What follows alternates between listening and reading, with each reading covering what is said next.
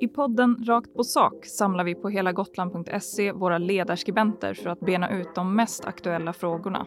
Vill du höra analyser och gå djupare in på det som påverkar gotlänningarnas vardag har du kommit helt rätt. Välkommen till podcasten Rakt på sak med Eva Bofride, Mats Linder och Erik Fransson.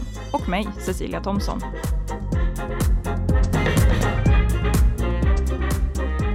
Ja, välkomna till ett nytt avsnitt av Rakt på sak. Och den här veckan är Eva Bofride tyvärr sjuk, men med mig i studion är Mats Linder och Erik Fransson som får hålla ställningarna.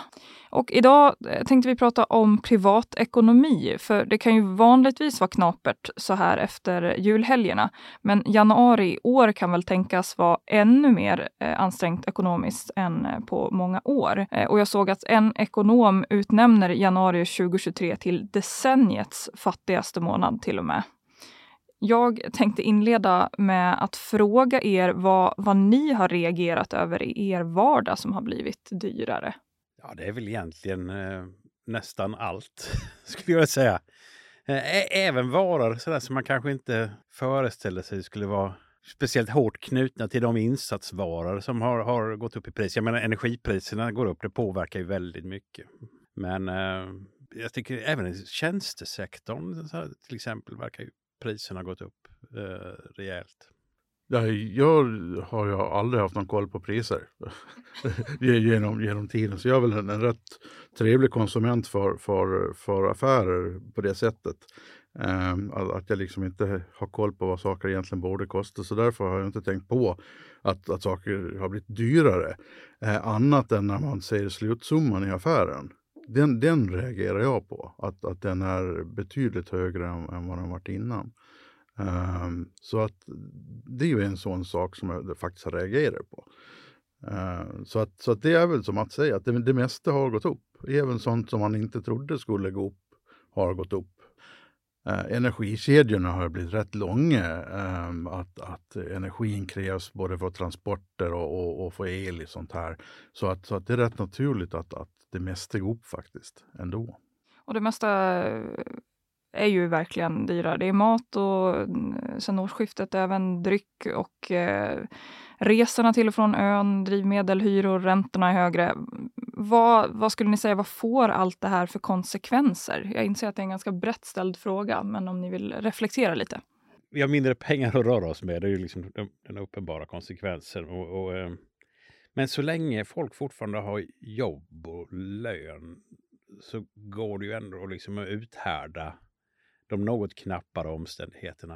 Eh, men det finns ju naturligtvis en risk för att det, det som nu är illa kan bli mycket värre. Att eh, till exempel arbetslösheten börjar stiga eh, kraftigt och att fler och fler blir av med jobbet. Eller att alltså, svenska hushåll är ju väldigt hårt belånade jämfört med i andra länder.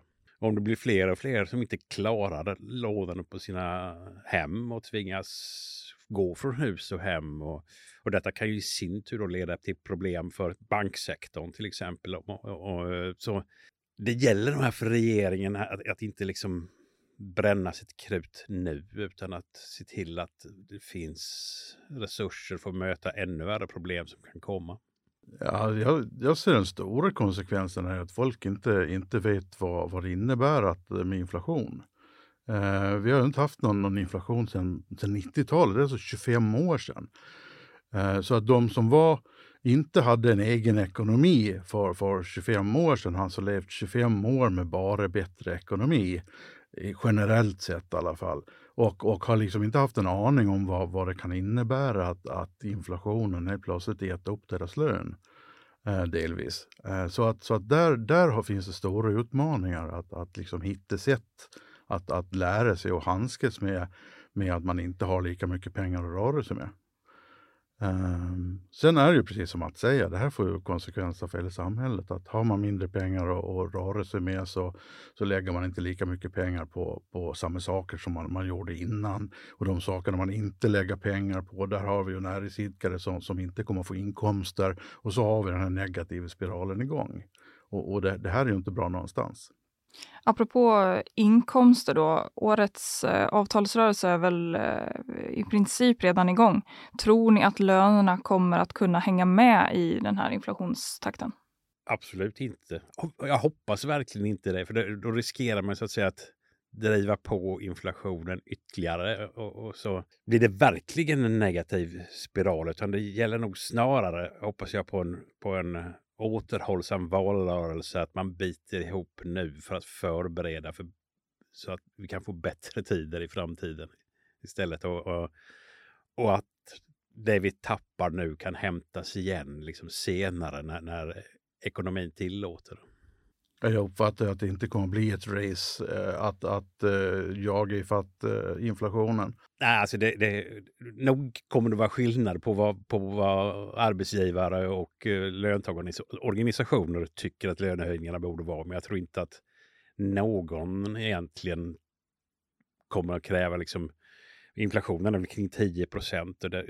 I närheten av det kommer ju löneökningarna inte att vara alls. Nej, här, här ser jag ju att, att den, den avtalsmodell som vi har haft här sedan, sedan slutet på 90-talet, sen efter 90-talskrisen, den, den, kommer att hålla även i år. Eh, att, att man initialt eh, så här i, i, december står relativt långt ifrån varandra, det är vi vana vid. Mm. Och det kommer, att, och det kommer att ändras. Så jag, jag, tror att man kommer att hitta hitta rätt snabbt faktiskt en, en, en, gemensam nivå. Frågan är väl vad som händer med inflationen i framtiden. Om, om, om den fortsätter vara hög så tror jag nästa avtalsrörelse, så att säga, 200, 2023, 24, 24, 25 kan bli desto besvärligare om inflationen fortsätter vara hög. Men det hoppas jag verkligen att vi slipper få reda på. Ja, alltså det är ju beroende på hur, hur långt avtal man skriver eh, till våren. Det ju, finns ju ingenting fast eh, som säger att det ska vara x antal år. Utan, utan kommer man inte överens annat än, än för i år och inte långsiktigt så kan det bli ett ettårigt avtal. Det tror jag, det, skulle jag tro att det blir. Va? I de flesta fall. Ja, alltså det beror ju på. Um, hur, hur man tänker och, och, och, vad, man får, vad man får tillbaks liksom. Och, och, så här. Så att, Eh, ansvarsfullt så måste man nästan vara långsiktig. Så att, eh, jag hoppas ju att det blir kanske inte fyraåriga avtal. Eh, det är jag tveksam till ifall bägge parter eller någon av parterna går med på. Däremot så kan det bli två eller eventuellt treårigt avtal. Vad kan och bör enligt er åsikt regeringen göra då för att eh, hjälpa oss som ja, men dels privatpersoner men också företagare och eh, andra genom det här? Det finns gränser för hur mycket regeringen kan göra. Eh, eftersom ju mer pengar man pumpar ut, dels så försvagar man ju statsfinanserna och skaffar sig mindre resurser för att möta allvarligare hot i framtiden. Men framförallt så riskerar man ju liksom att ju mer pengar man pumpar ut, desto mer pumpar man upp inflationen ytterligare.